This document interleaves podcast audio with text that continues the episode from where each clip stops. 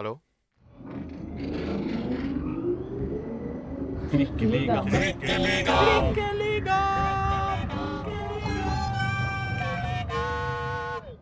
Mine damer og herrer og andre, velkommen til Trikkeligaen sesong 3, episode 41. Jeg heter Aslak Borgersrud, jeg sitter her sammen med Pål Karstensen. Hei. hei. Alle de andre gutta er på ferie, vet du, så nå er det oss to uh, hver uke. Ja, det er sånn det er, det. Det er herlig, herlig. Fint, Bli fint. på Vær i Las Vegas, du, Håkon Thon. Det er Passer den, passer den fint, det. Ja da, det gjør det. Men i tillegg eh, til det så har vi eh, en, en gjest i studio her. En, Hedersgjest. en, en hedersgjest. En som driver og kniver om å få lov til å spille eliteserie til neste år, eller hva, Simen Hestnes? Uh, ja, du kan jo Hvis du ser på tabellen, så må du jo Kan jeg nesten ikke si imot deg på det. Nei, Så- kan jo ikke det. Nei. Du er midtbanespiller i Koffa. Ligger akkurat nå på tredjeplass på tabellen med 44 poeng. På samme like mange poeng som Stabæk. Som slåss om den der deilige deilige andreplassen som gir direkte opprykk til Eliteserien. Ja, det Det er eh, tett og jevnt der oppe. Men åssen er det å være i den situasjonen? Du må liksom eh, gå, du må kjenne litt på det sånn til daglig, liksom. Ja, altså man uh, merker ikke så mye sånn dag til dag, altså sånn i treningshverdag og det vi gjør og altså hvordan man er med hverandre. Men det har jo vært litt sånn mer trøkk utenfra, da. Så forrige uke så var det NRK på besøk, og så TV 2 på besøk. Og da skal de ha litt uh, lengre intervjuer og lage saker og sånn, så jeg tror det blir veldig mye sånn fokus uh, utad, da. Men sånn innad så, så er det jo selvfølgelig man prater litt om det og hvordan tabellen ser ut og sånne ting, men det er ikke noe sånn ekstremt fokus på, på akkurat det at uh, vi har muligheten, da. Men det må være litt annerledes sånn, i de siste åra. Nå har du har bare vært der ett år, eller i, i Har du ikke det? Jo. Du kom i 2021. Eh, men, eh, men eh, når man er i en sånn situasjon hvor man slåss om fjerde, femte eller sjetteplassen, på en måte, så er det, så det er liksom kanskje ikke hvert eneste resultat og hvert eneste mål liksom så viktig som det er nå. Eh, nei, så jeg kom jo før denne sesongen, da. Før Ja. 2022-sesongen. Ja. Uh, var i Skeid i fjor. Ja, ja, Eh, Du rakk ikke spille der i noe i fjor, nei. Nei, så, men da var jeg jo med på det opprykket til Skeid, og det er jo litt sånn samme situasjon som nå. At på en måte, det, Da var det tett og jevnt med Arendal og Egersund hele veien, og det var litt sånn man måtte vinne hver kamp, og så fulgte man veldig med på de andre laga. Så, men jeg vet ikke helt hvordan en kvalik Når man kjemper om de kvalikplassene. Men akkurat nå så er det jo såpass, eh, såpass tett og jevnt eh, liksom ned til ah, syvendeplassen, eller hva det er. Så, Ja. Og det har det vært hele sesongen, og det er ikke lenge siden vi var utafor utafor kvalikplassene. Nei. Og så fikk vi en veldig fin periode som vi har vært eh, inne i nå, da. Og, så, og da snur ting fort. Ja. ja, nei, det er jo bare tross alt uh, Men altså, det er jo et stykke ned til sjuendeplassen. Der har dere åtte poeng ned, liksom. Den er ganske Sånn at det skal mye til at dere ikke havner på kvalik, liksom. Ja, det skal, da skal vi tape ganske mye, og så skal alle lag eh, Lag rundt vinne. Så jeg vet ikke hvordan på en måte Nei, det, det- matematiske det er der. Men uh, det er jo ikke vi, vi tenker ikke sånn, i hvert fall. At, eh, at vi tenker at uh, om vi klarer kvalik eller ikke. Nå, men det er veldig sånn ta én og én kamp, og så Mm. er det må man rett og slett telle opp til, til slutt da, og se, se hvordan det er. Men er det sånn at du har sett der, eller dere da, har liksom setter ut liksom, ok, den kampen, den liksom avgjørende, den blir viktig, og ser du liksom på eh, flere enn én kamp eh, framover når du kikker på, på planen? Ja, det er klart, eh, det er klart at man eh, ser jo på hele gjenværende terminliste og hvilke, hvilke kamper man har, og så gjør man jo selvfølgelig det med de laga rundt seg også. Men hva er det som peker seg ut da? Nei, nå er det jo politisk korrekt er jo at nå er det Bryne til, til helga, så, så den, den er jo viktig. Altså, det er litt sånn at hver kamp er en finale nå for, å, for å henge med, fordi de andre lagene er såpass bra, så de kommer til å ta mye poeng, så det må vi òg. Men så kommer jo Stabæk eh, Ikke sant? 10. oktober. tett etter det, og den blir jo altså I og med at vi har igjen de, så er det jo fortsatt opp til oss selv, selv om vi ligger ligger bak den på målforskjell nå. Så, så selvfølgelig så, så peker jo den seg ut, det, det ser jo alle. Um, og så er det jo Brann i siste serierunde på, på Brann stadion. Har vært digg å få det unnagjort før det. Ja, ja, jeg tror ikke det er en ønskesituasjon å måtte vinne, vinne der. Um, og så vet man ikke om det er en fordel eller ulempe eller hva det er, at de har sikra både opprykk og serietittelen. De ser jo ikke ut til å ha slacka noe særlig ennå. De har vel noen rekorder de har tenkt å slå og vise at uh, Eh, ja, absolutt. Og det er litt sånn siste kamp for sesongen. Vil ha slutte på en god måte og få med seg en god følelse inn i, inn i Eliteserien. Og kanskje har de muligheten til å gå ubeseira, ikke vet jeg. Så, mm, så eh, jeg tror ikke, tror ikke de kommer til å ta noe lett på det. Altså. Nei, nei. Men hvis du skulle ha Hvis jeg hadde liksom eh, Hvis vi skulle ha vedda nå, komme Koffa til til å rykke opp, og jeg la liksom 1000 spenn i potten Ikke det at vi driver med gambling, men liksom hvis, hvis vi nå hadde gjort det, da. Ikke sant? Eh, Hva, hva, hva skulle du hatt i odds for å, for å gå med på det veddemålet, liksom? Nei, jeg tror nok eh, at uh, man hadde fått en bedre odds hos uh, bookmakerne. Så jeg, eh, jeg kunne Får jeg dobla et eh, 50-50-bet, da. Ja. Vi legger 1000 hver i potten, og vinneren tar alt. Så, eh, så jeg, jeg har virkelig troa på at vi, vi kan klare det med den eh, med den spillergruppa vi har der nå. Og mm. stort sett alle skadefrie, og vi har vært i en, vært i en fin flyt. Et lite sånn ja, dårlig match nå mot Kongsvinger, men det er litt sånn gå i glemmeboka, og så, og så tenke neste. Hvordan var det å spille innendørs i Kongsvingerhallen der? Var det litt sånn uvant? Det så kanskje litt trått ut. Vi så jo den kampen, og dere Det virka som om dere aldri kom opp i gir.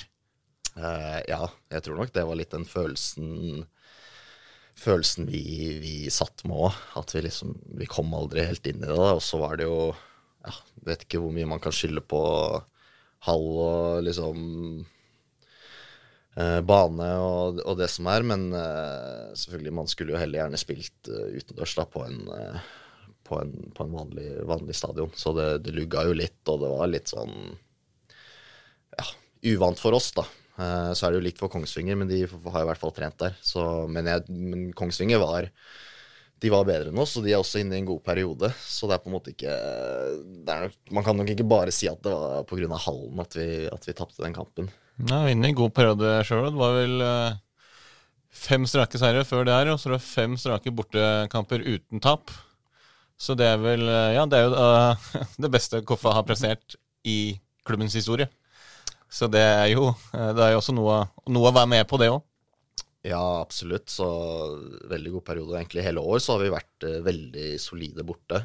Så vi har hatt en veldig sånn bra mentalitet i laget og virkelig tatt den krigen da, på de vanskelige bortebanene. Og det, det mangla vi kanskje, kanskje lite grann nå, nå i helga.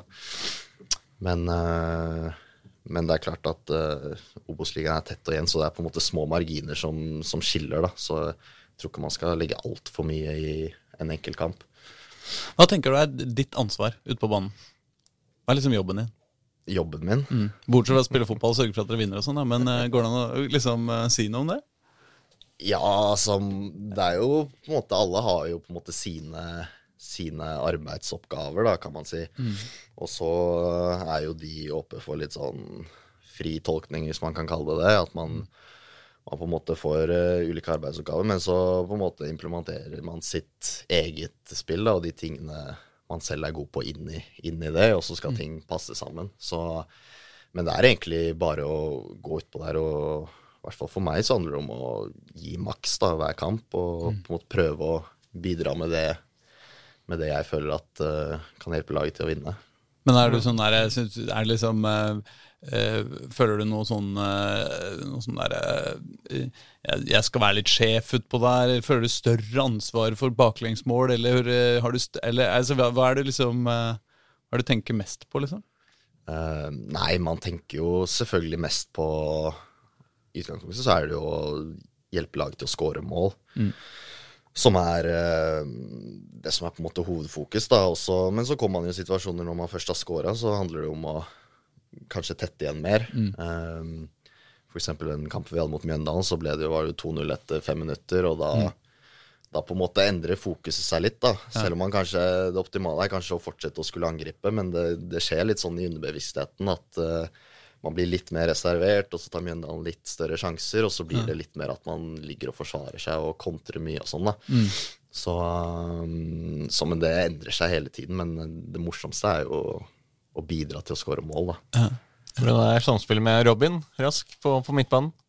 Nei, det Fra min side er det, er det veldig bra. Han er jo en eh, Fra din side, så han hater trynet ditt, men, Ja. men, ja, Så får du spørre han hva, hva Han bare sånn tenker, da. Aff, må han spille med han der igjen? Altså, det kunne ikke vi ha funnet noen som kunne spilt ordentlig fotball. Liksom. Ja, det, man vet aldri, men eh, nei, det er veldig, veldig behagelig å spille med Robin. Han er jo Alle vet jo det at han er en veldig klok eh, fotballspiller som gjør de, de rundt, seg, rundt seg bedre. Så, så det, det funker, funker veldig bra. Så syns jeg vi supplementerer hverandre på en ganske fin måte også. Um, han er litt mer sånn holdende og skal styre, og så får jeg litt mer frie tøyler da, når jeg spiller med han, til å, til å um, løpe. Ja, det passer din, din, din spillestil bra. Ja, jeg er jo glad i å løpe, og det er jo på en måte da, da jeg er best når jeg får måte gått på litt sånn dype løp og være litt sånn boks-til-boks-spiller, da. Er det han du spiller ballen til hvis det er liksom stressa bare nå må du, nå, må, noen, noen må holde litt på den kula her nå, liksom? Ja, men, det er, men, det er, men det, er, det er faktisk litt sånn. Eh, og han er jo veldig Han skal, vil jo alltid ha ballen også, så du Selv om du ikke ser, så hører du alltid Ja, sånn. stemmen til Robin i, i øret der. Så, da, så han, skal, han skal ha ball, for han har en plan klar. Så Men eh, det er ikke bare han man, eh, man søker, altså. Det er, eh, det er mange gode fotballspillere i det laget. Så det handler jo mest om å på en måte finne den medspilleren som er best posisjonert, da. Det er han som er Martin Ødegaard-typen i laget. Sjøl om det er du som ligner mest på han. Ja, det har jeg hørt før, faktisk. Ja, du har det, ikke sant? Ja, flere ganger.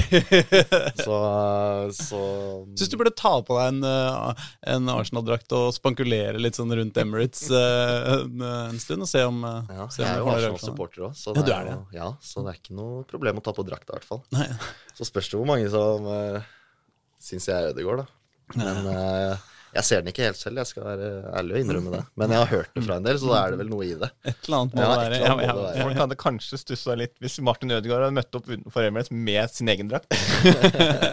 Nei, jeg, jeg veit ikke. Han slår meg liksom ikke helt som den typen heller, Martin Ødegaard, egentlig. Men uh, ja, det var gøy. Ja. Ja, ja. Eh, hva vil uh, hva, Altså, nå må vi, enten, vi har to ting vi skal gjennom i dag, eh, Pål. Det ene er vanskelige spørsmål Ja. eh, til Simen. Og det andre er historia og bakgrunnen hans. Uh, begge deler er jeg interessert i. Jeg er liksom sånn frista til å kanskje begynne på de vanskelige spørsmålene. Det er du som er programleder, Ja, ikke sant? så du får lov til ja, å men jeg ber om støtte fra deg, da, vet du. Ja, det er Ja. hyggelig. Ja. Nei, men, eh, men du, vi, for vi har jo fått inn spørsmål fra, fra uh, både både, både Twitter og, og andre, andre, andre kilder. Fjern og nær. Uh, men vi kan jo begynne med, de, med noen av de letteste, da, for å, for å varme opp uh, rolig. Uh, jeg skal finne dem, jeg, Altså, du trenger ikke å finne dem sjøl, Simen. Det går bra. Ja, ok. Um, jo, Misjonærene avdeling Bergen. Jeg visste ikke at dere hadde en misjonæravdeling i Bergen. Men Jo, det har dukka opp litt nå når ting ting går bra. Ja, ja, ja. Så det kom i avdeling Bergen, avdeling Trondheim, og så nå sprer vi oss. det må være tøft uh, borti Bergen. Altså, men de gleder seg vel da til 10. oktober? Ja. Var det ikke det jo. 29. oktober i, i Brann, ja. Det er, eh, 10. oktober er hjemme mot eh, Stabæk. Eh, misjonær, eh, misjonærene avdeling Bergen spør hva er største idrettsøyeblikk? Jeg regner med at det er ditt største idrettsøyeblikk eh, vi snakker om. Og hvem er forbildet? Um, ja. Største idrettsøyeblikk ja, Det er jo veldig lett å være litt sånn korttenkt på sånne spørsmål. Da. Så hadde vi jo et opprykk i, i fjor med Skeid til Obos-ligaen som var eh, sinnssykt kult, fordi det var en eh, så sinnssykt eh, fin gruppe. ehm, med veldig mye bra folk. Så så det var en veldig sosial gjeng da, som likte å gjøre ting både eh, på utenfor banen, holdt jeg på å si. Um, så den setter jeg veldig høyt. Så ja, jeg tror nok jeg setter den aller høyest. Kan ikke være så kul gjeng, da, siden du stakk derfra. Nei, det var ikke det. Hvorfor hva, altså, Hvordan var det å, å forlate Skeid? Vi skrev jo veldig mye om det i, Ja. i fjor. Altså når vi ble, både ble kjent med, med Skeid, som mista altså, en av de beste spillere, sant? og så også gikk til Koffa og den derre lokalfotballen og rykker opp og mister en av sine beste Altså, Hvordan var den her overgangssituasjonen for deg? Eh, Det var veldig tøft. Det var eh, Ja, jeg gikk veldig mange runder med meg selv da jeg eh, tok det valget, eller i hele den prosessen, egentlig, da. Um, for det var jo Jeg visste jo at uh, Skeid ville ha meg med videre. Um, og jeg sa at uh, det var veldig interessant, men at jeg ville holde ja, holde avvente litt og se an. Um, og så kom jo Koffa på banen. Um, så fikk jeg et uh, veldig godt inntrykk da, av, uh, av Koffa og trenerteamet spesielt. Og man har liksom sett hva de har fått til de siste åra. Og, og, sånne ting som gjorde det til et veldig, veldig vanskelig valg. Da, og det gjorde det jo enda vanskeligere at Koffa på en måte er et annet Oslo-lag. Um, og at uh, man drar på en måte ikke til ja, si Brann, hvor man altså blir en fulltids, fulltids fotballspiller. Og, så det er på en måte ikke det steget opp uh, man tar. Uh, så, men det bunna jo ut i altså, Valget var basert på, på det sportslige uh, og magefølelse. At jeg var litt sånn Tenkte OK, jeg er 25 år, som jeg var da, og nå skal jeg opp i Obos-ligaen. Og så tenkte jeg litt hva er risikoen for å rykke ned med Skeid, eventuelt? Nyopprykka lag, det blir tøft. Um, og hva er sjansen for å gjøre det veldig bra med Koffa, da? Uh, det er morsommere å spille om opprykk enn å spille om nedrykk? Ja, det er jo Det er selvfølgelig mye, mye morsommere. Um, så sett i ettertid var det jo et veldig godt valg. Mm. Um, men der og da så er det jo veldig vanskelig. Og så har man selvfølgelig litt tvil om uh, ikke sant? Hva om Skeid gjør det bedre enn Koffa? Mm, hadde du egentlig det? Altså Når du har altså, sett på Koffa de siste par årene, ja. og Skeid var jo da altså nyopprykka, eh, altså, hadde du liksom det Hva om Skeid gjør det bedre enn Koffa? Ja, jeg hadde jo den. Altså jeg trodde jo Mye av valget mitt var jo at jeg trodde at Koffa kom til å At det var mye større sjanse for at Koffa kom til å levere en bedre sesong enn Skeid. Ja. Um, men selvfølgelig, jeg visste jo Jeg var jo en del av den Skeid-gruppa. og det er veldig, veldig bra lag. Um, uh, så jeg var, jo, jeg var, jo, helt sikker på at de kom til å klare seg. Eller ganske sikker på det. Um, men, uh, men, selvfølgelig, man hadde jo ja, som jeg sa, litt sånn tvil da, om hva om. Det er, blir litt sånn flaut, da. At, at, og da får man høre det fra gutta, ikke sant. Det er jo nesten det verste. Mm. Men er det sånn Altså du, når du sier det er vanskelig, så er det liksom altså, Alle som bytter jobb, på en måte vet jo at det, det er jo litt ubehagelig. Og man må gå og si til sjefen at det, sorry, men eh, det er noen andre der ute som er hottere enn deg. på en måte, eller sånn. Mm. Og liksom, eh, Det er litt sånn kjipt, men så sier vi, veit alle at ja, men sånn er livet, og vi går videre, og vi, det er hyggelig, og neste gang og kanskje vi kan ikke du komme inn og spise kake en dag, liksom? Eh, men er det liksom er det, er det verre enn det? Uh, jeg, jeg, jeg, tror kanskje det, og spesielt med uh, siden jeg hadde Gard i, i da som mm. jeg hadde et veldig godt forhold til. Mm. Eller har et veldig godt forhold til uh, i dag også. Um, I hvert fall fra din side, som du pleier å si. ja, så får du spørre han. Så nei da, jeg tror, jeg tror han har Vi begge har gått videre fra, fra det greiene nå. Men vi hadde jo et veldig godt forhold, så det er jo selvfølgelig tøft å, å si fra om det. da, At man på en måte velger, velger noe annet. Mm. Og jeg hadde jo Gard i som trener i Vålerenga 2 også. Mm.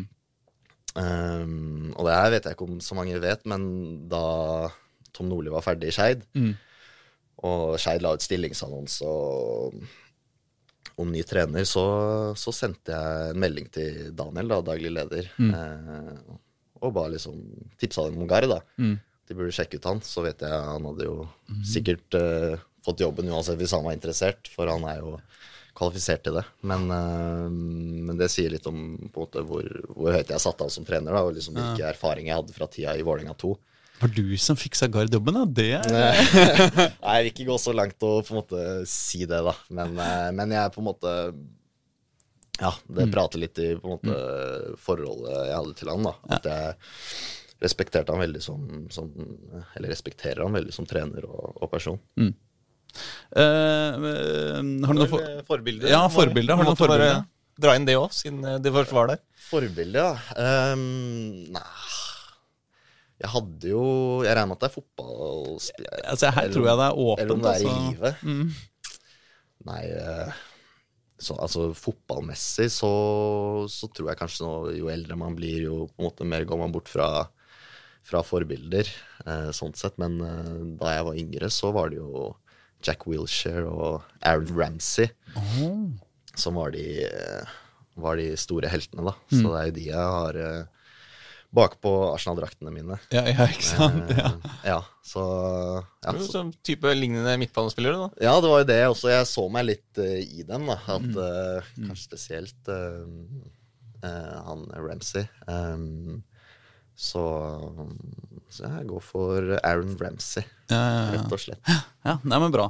Um, uh, Terje Kirsebom spør uh, Er du bedre enn Jesper Solli? Eh, jeg håper jo det nå, da. Eh, for han har vel ikke spilt fotball på Ja, Jesper Solli gjorde comeback i helga. Gjorde han det? Han spilte en 30 minutter for uh, Kjelsås-rekruttene. Ja.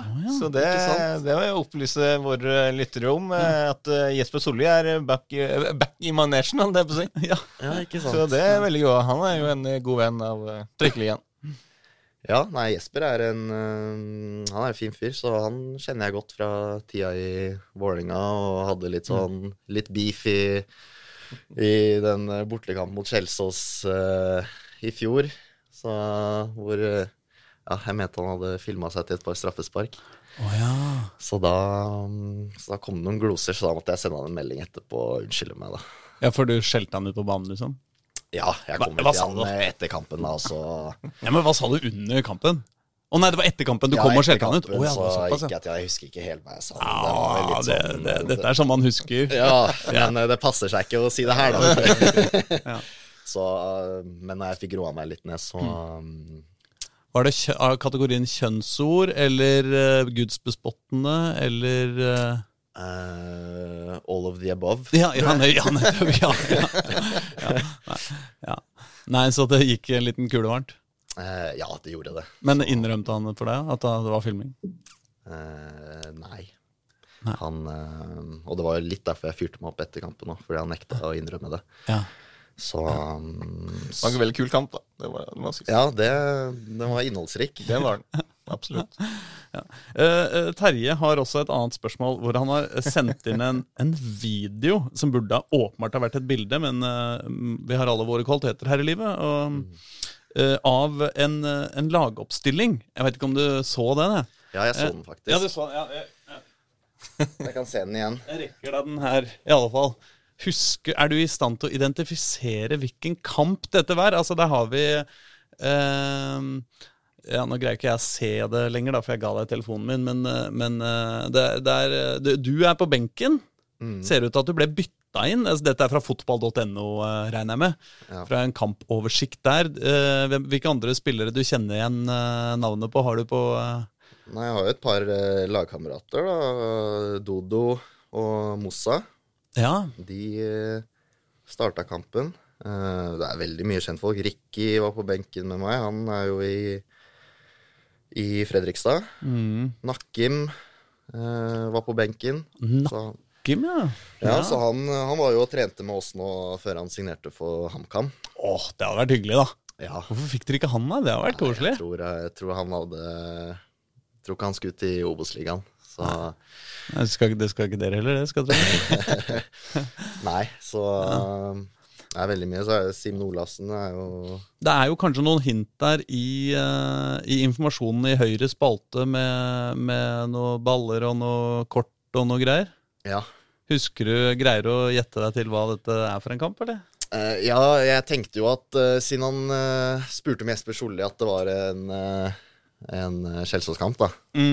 Og da Jeg har faktisk eh, to Kjelsås-kamper som eh, Som jeg husker veldig godt, av ulike grunner. Men eh, den ene I den ene av de så spilte Jesper på eh, for Kjelsås. Eh, og her spiller han for Vålerenga 2. Så det er Kjelsås-Vålerenga 2, da, og vi ble ordentlig kjørt. Ja. Jeg husker ikke helt sifrene. Jeg så at vi skåra ett, da, men eh, om det var fem-seks eller hva det ble til slutt, det, Enda verre enn det. det ble Ja, det verre syv-åtte, var det det? Nei, det ble, det ble 7-1, Syv-en, eh, ja. faktisk.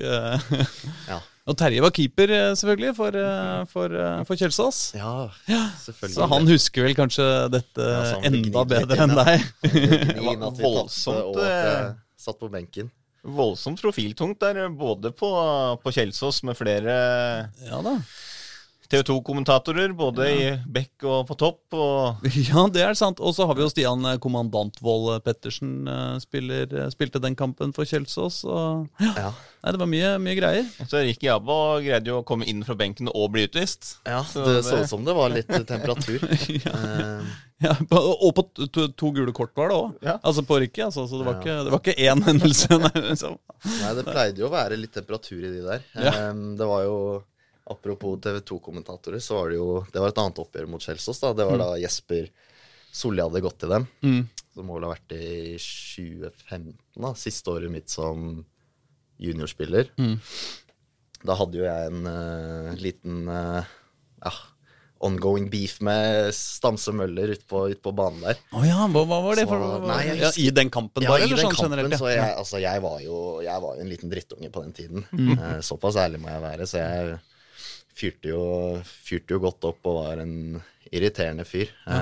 Hvordan, hvordan er du irriterende når du Eller da, da? Uh, nei, det er uh, litt sånn uh, etterslenger og Ja. litt sånn meldinger og Ja, det er litt meldinger òg, ja. ja, ikke sant. Så er jeg Hvordan type da? Er det sånn du prøver å liksom si at de de er ræva, liksom? Eller, eller er det du går ikke helt ja, Materazzi? sikkert det, og liksom, litt sånn sutre på dommer og sutre på dem, at de er eh, Altså legger seg ned og Ja. liksom bare være en sånn her slitsom fyr, da. Ja, ja, så, så, så det har jeg fått høre masse oppover. Heldigvis lagt mye av det av meg nå, men, eh, men da var det jo Det gikk ganske langt, så da husker jeg ja, han skulle drepe meg, og det var Ja, ja, det, det gikk ordentlig langt, da, så og jeg, jeg husker det veldig godt, fordi jeg syntes det var ukomfortabelt. For han var jo litt sånn profil i, i andredivisjon og en av de beste spillerne, og så var det liksom for den, da. Så da og det sjekka jeg, så, så fikk jeg melding av Jesper da, etter kampen. ja.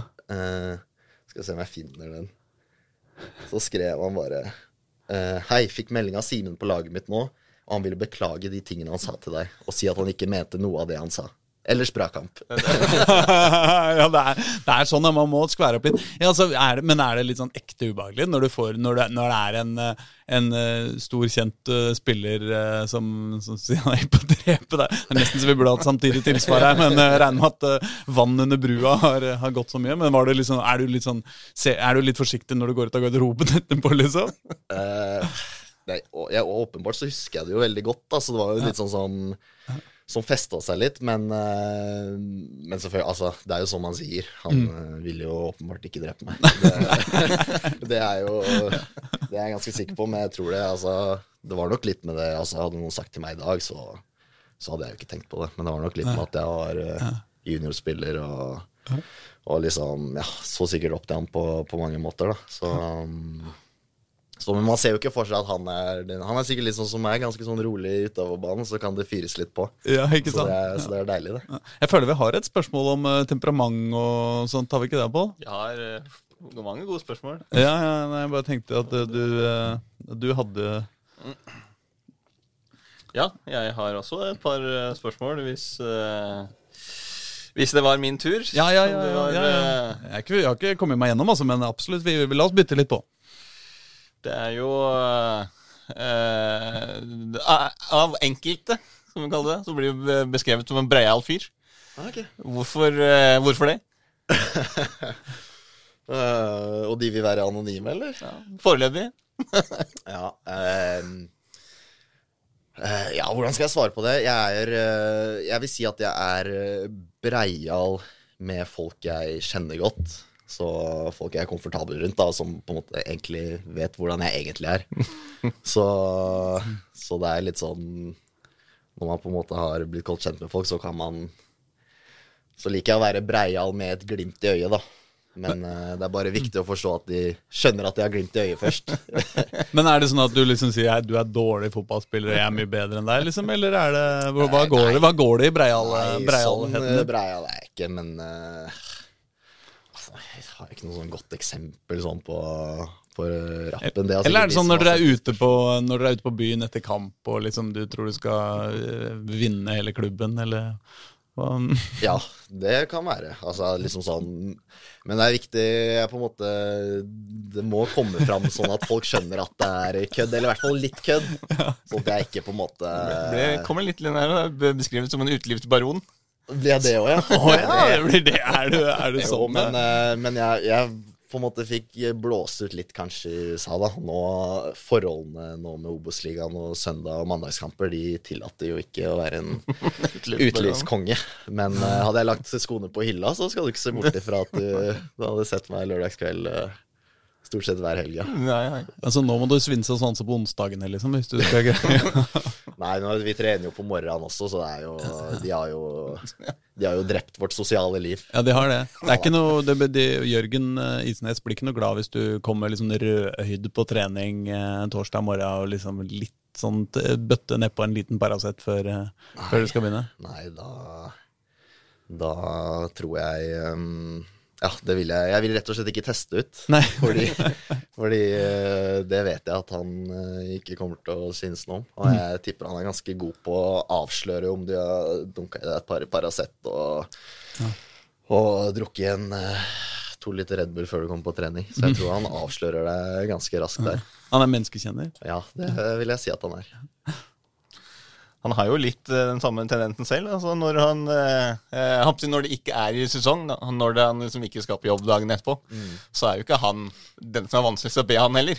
Nei, jeg tror ikke han er fremmed for å, for å kose seg, han heller. Så, men det, altså Alt handler om å gjøre det på riktig tid. Og nå kommer det en fri landslagspause, og da får man fri noen dager i, dager i helga. Og da De legger jo opp til at man skal på en måte kose seg og få kobla litt av og gjøre noe litt annet da, enn å bare være i det sesongkjøret. For det ja, det blir, man blir inne i en sånn loop på en måte, i en slags sånn boble. da, At man eh, Det er eh, mye kamper og mye trening, og liksom man hører de samme stemmene hele tiden og ser de samme folka hver dag.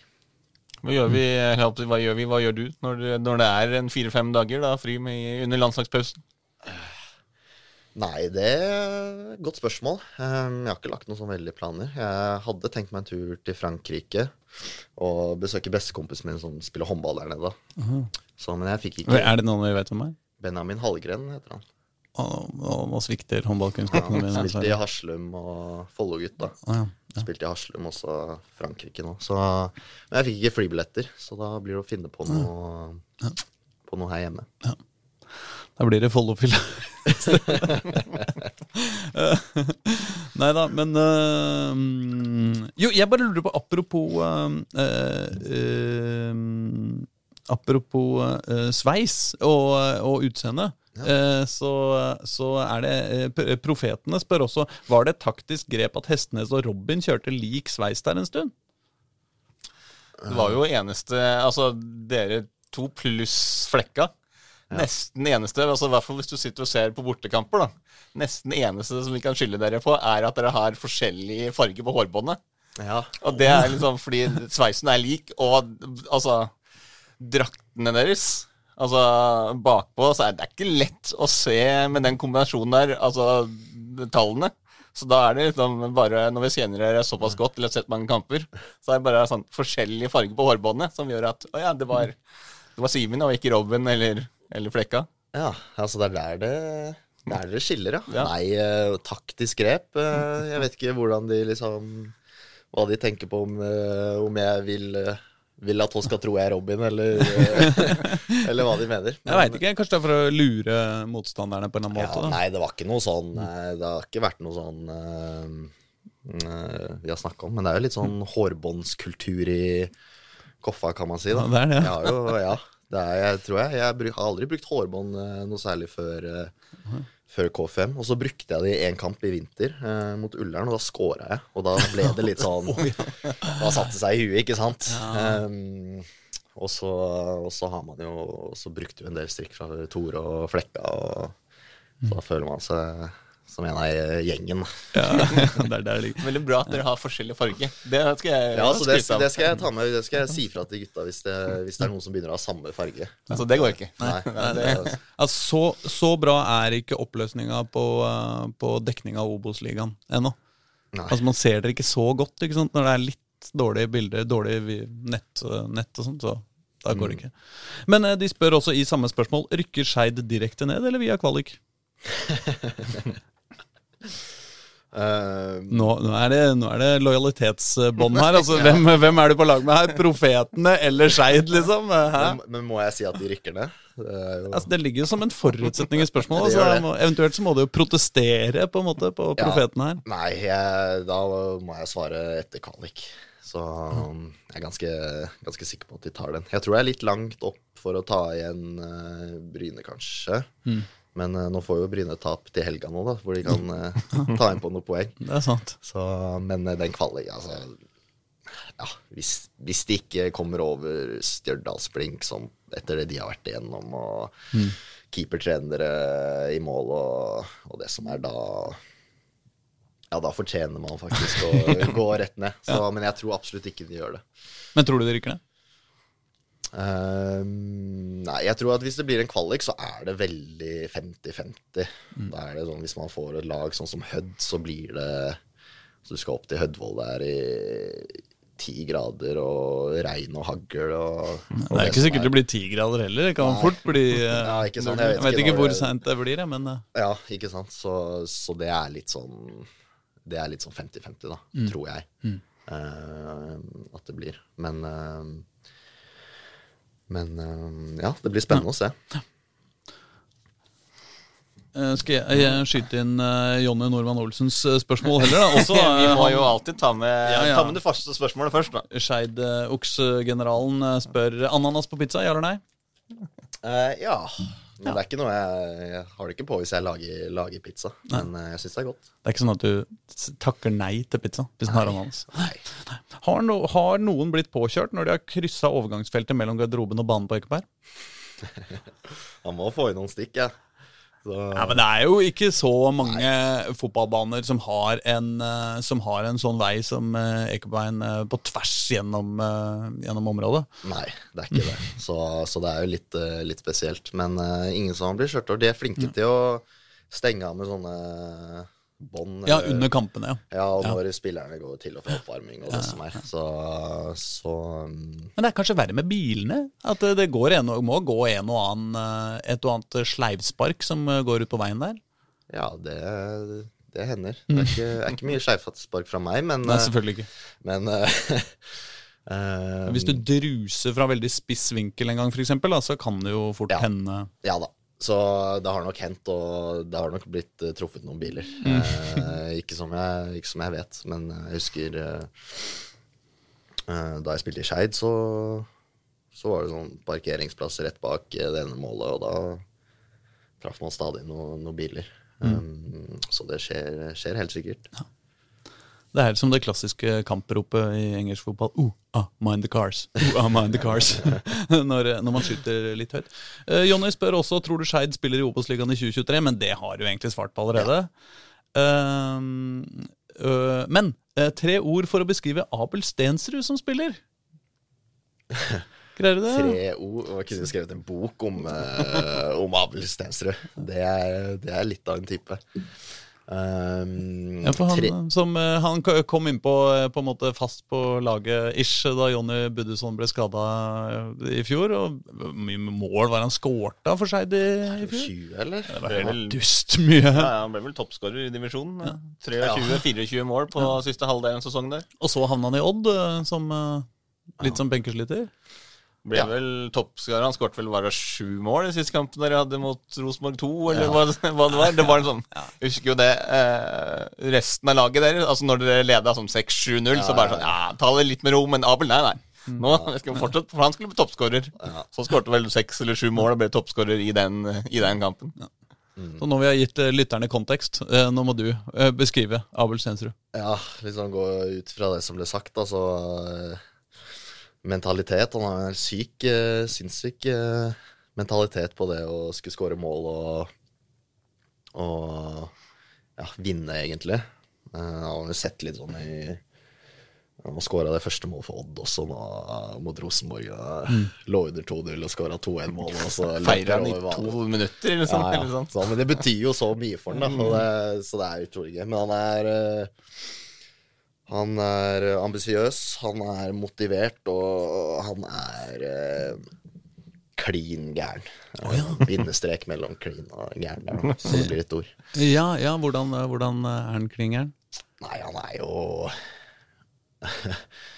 Eh, Ja, hvor skal man begynne? Han er Nei, du skal fortelle den historien du tenker på nå, når du ser Ja. litt sånn vekk fra Jeg har ikke noe sånn spesifikt, men du kan si at da han ikke starta kamper, så er det jo gjerne litt sånn hvis man går, inn- går i formasjon 11 mot 11 på trening, Mm. og han ikke er i startelveren, da er det sånn du bare holder deg unna han. Ja. Fordi, fordi da Det er muggen. Ja, og da får du en albue i bakhodet. Altså Det kan være verdens roligste trening, da, ikke sant? Og han, men han skal ja, Han skal takle noen. Ja. Fordi, han, fordi han er forbanna, ikke sant. Og, så han er jo gæren på det, og så er han jo klin gæren på at han eh, ja, blir dritsur hvis uh, kanter ikke slår legg, f.eks. eksempel Mm. Det er sånn, sånne ting han henger seg opp i. da. Uh, og så er han jo Ja.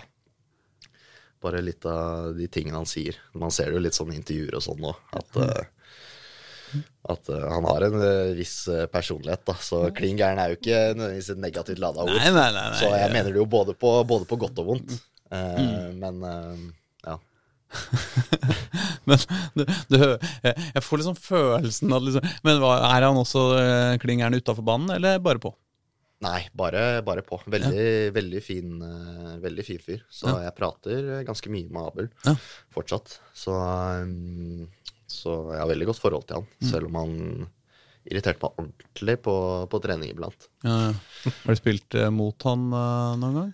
Um, nei, ikke, ikke utenom uh, Ikke utenom trening? ikke utenom trening, Nei, ikke sant. Uh, som jeg kan huske, i hvert fall.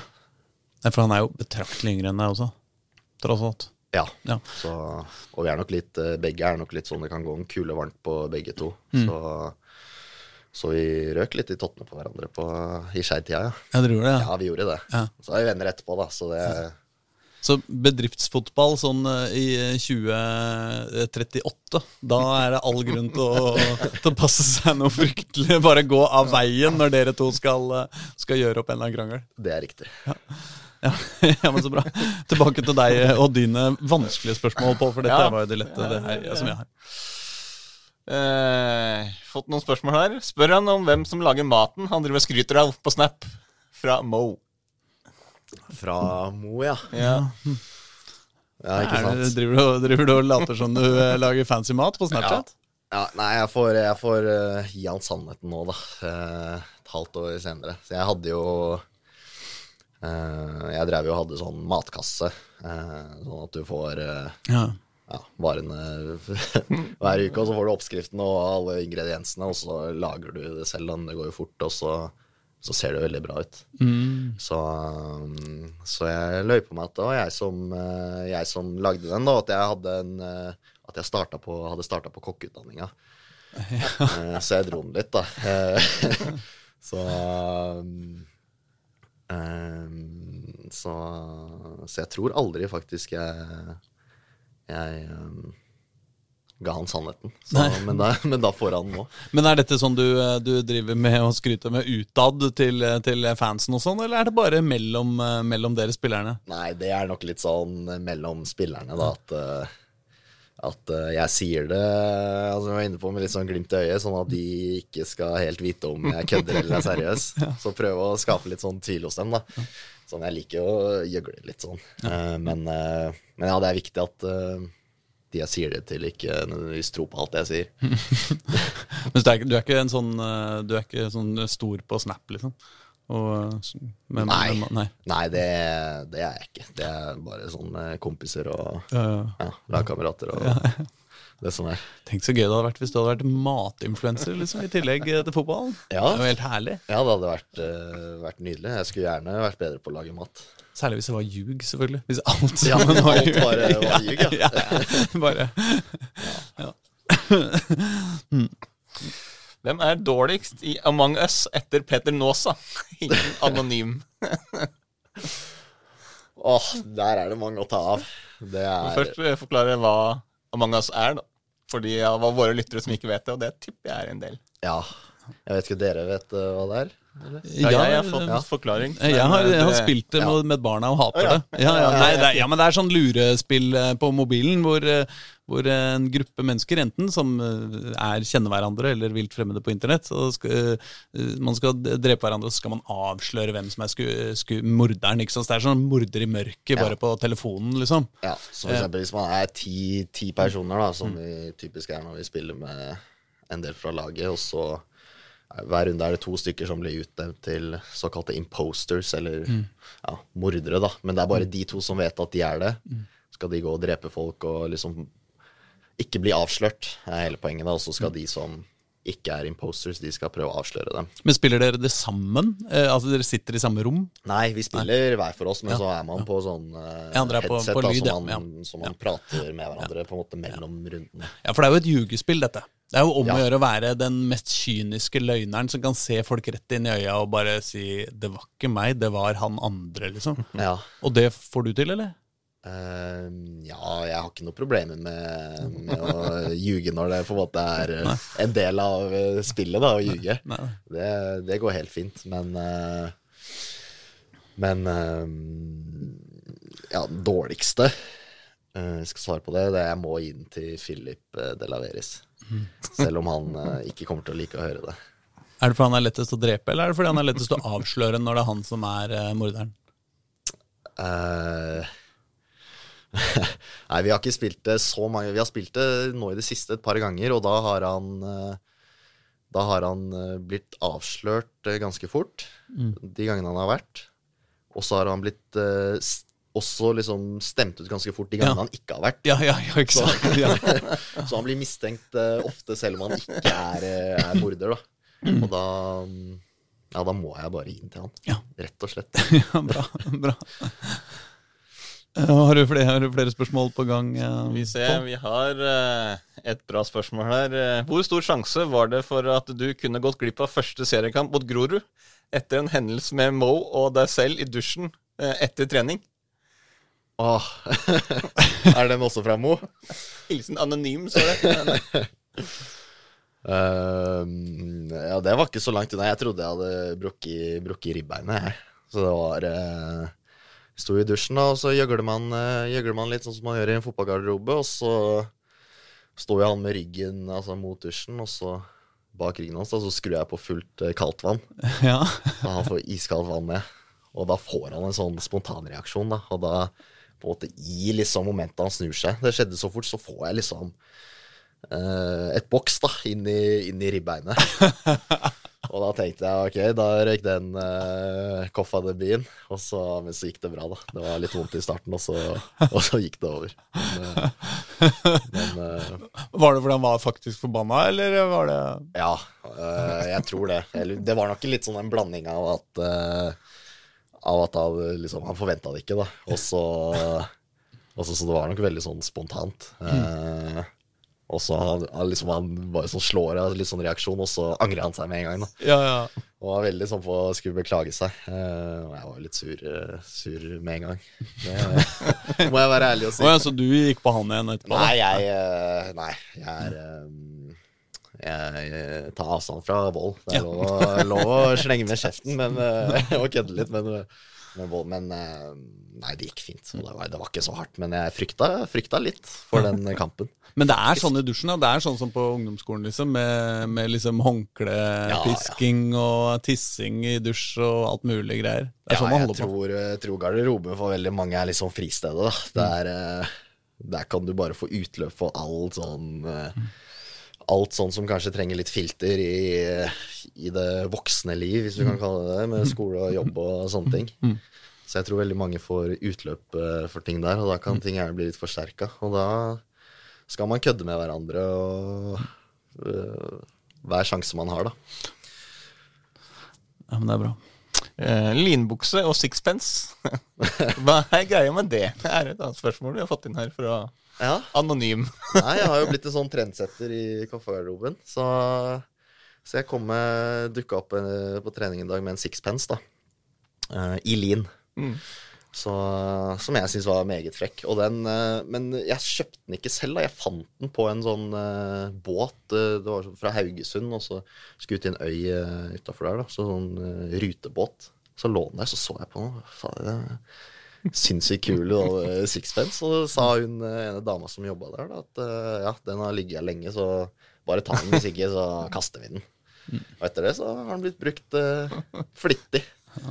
Så lean sixpence fra, fra hurtigbåten utafor Haugesund, liksom. Ja, så det var en ordentlig, ordentlig sixpence, og jeg sjekka opp liksom merket og sånn, så var det 1200 spenn eller et eller annet kosta den. Og da tenkte jeg det, det må jeg jo bare gå med. Ja. Reaksjonene i Koffa-garderoben på line sixpence? Nei, man får, man får jo selvfølgelig litt sånn, og, og man Idet man kommer inn i garderoben med den, så man vet jo hva som venter en.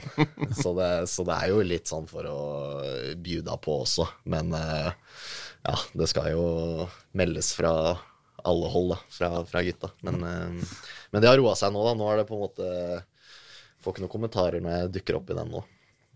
Ja, de har kanskje blitt vant til det. ja.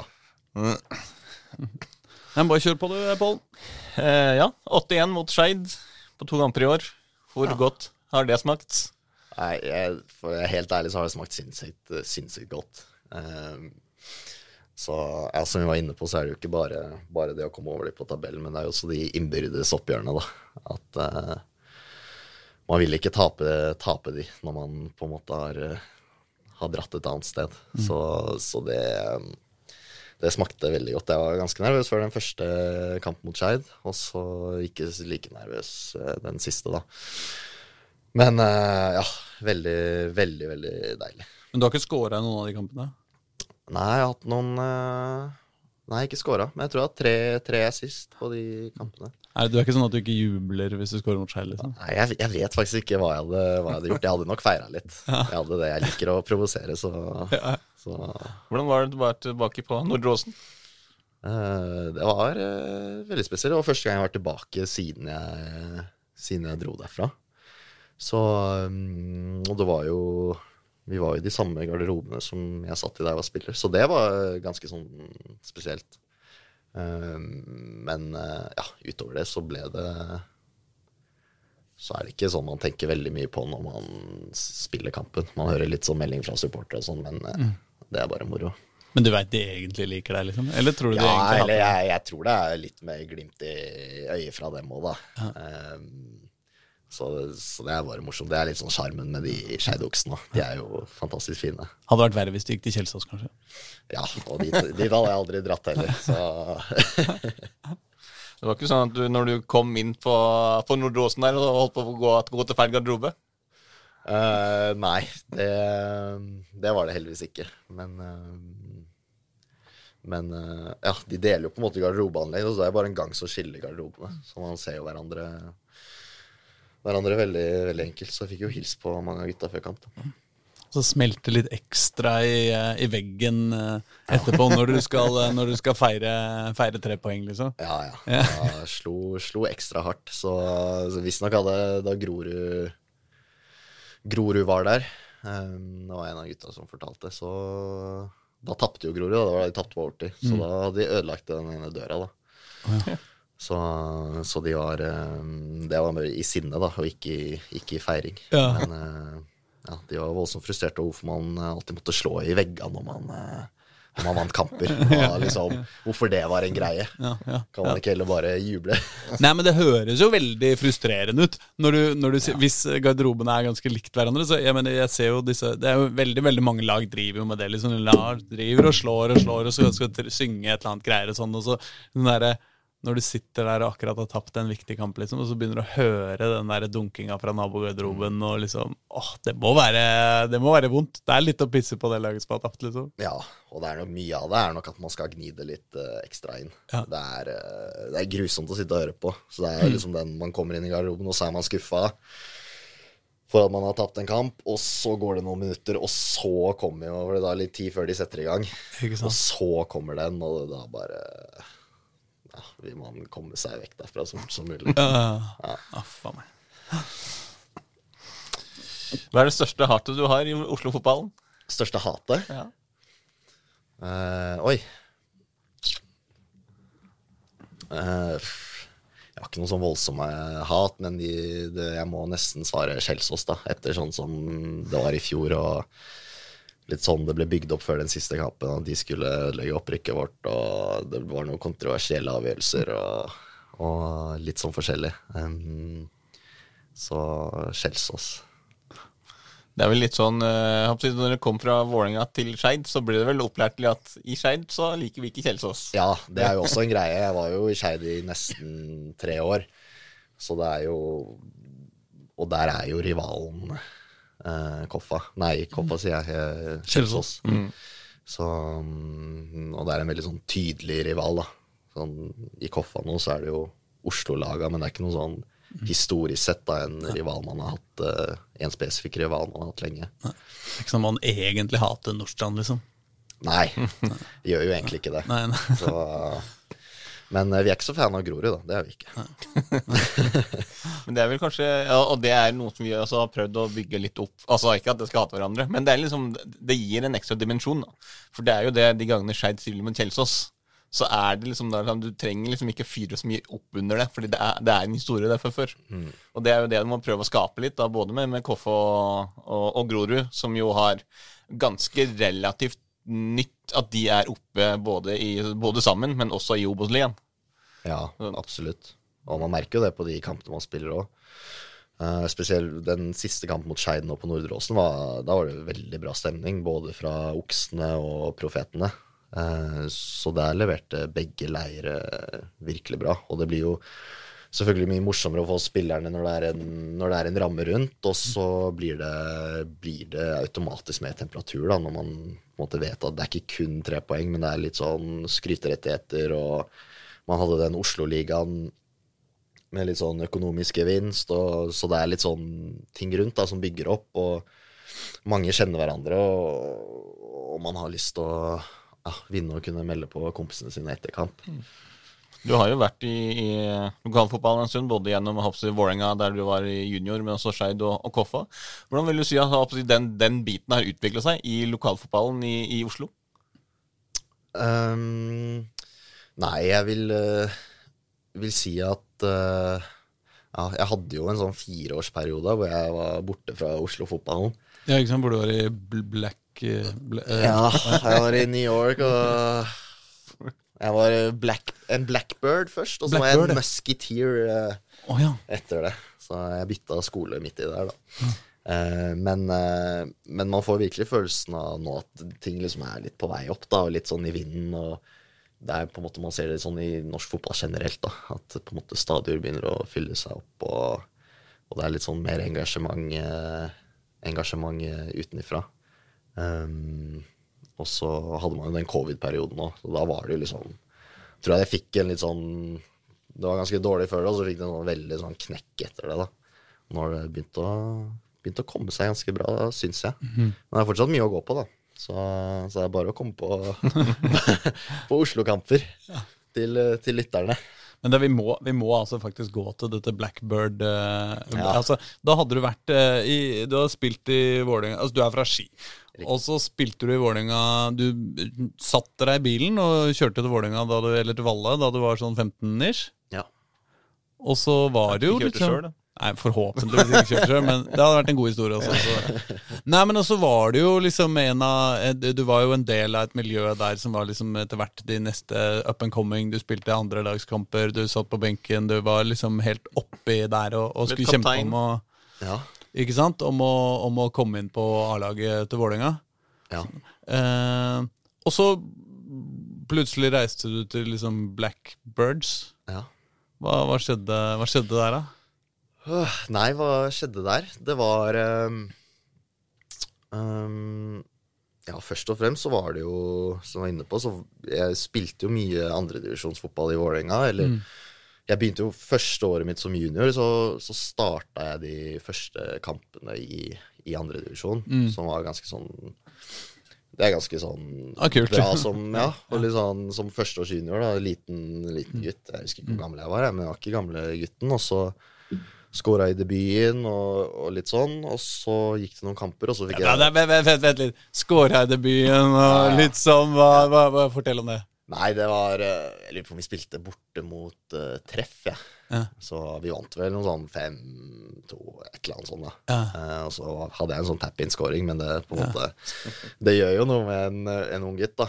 Og så Det, må, det må ha vært, eh, det må ha vært noe, noe litt ekstra. Ja, det er veldig, veldig gøy. Så det er jo sånn minne man, man har, da. Um, og så, Det var faktisk etter den kampen, tror jeg, så kom vi på hotellet, og så bare hovna trynet mitt opp, husker jeg. Og folk bare, hva er det som skjer? Og så fikk jeg kyssesyken, da, og så var jeg ute med det en stund, og så var jeg litt sånn inn og ut av laget, sleit litt med skader. Var litt sånn Spilte litt, Uh, var en del på benken. Uh, og så kom jo Gard inn uh, sammen med Tommy Berntsen, siste året mitt som junior.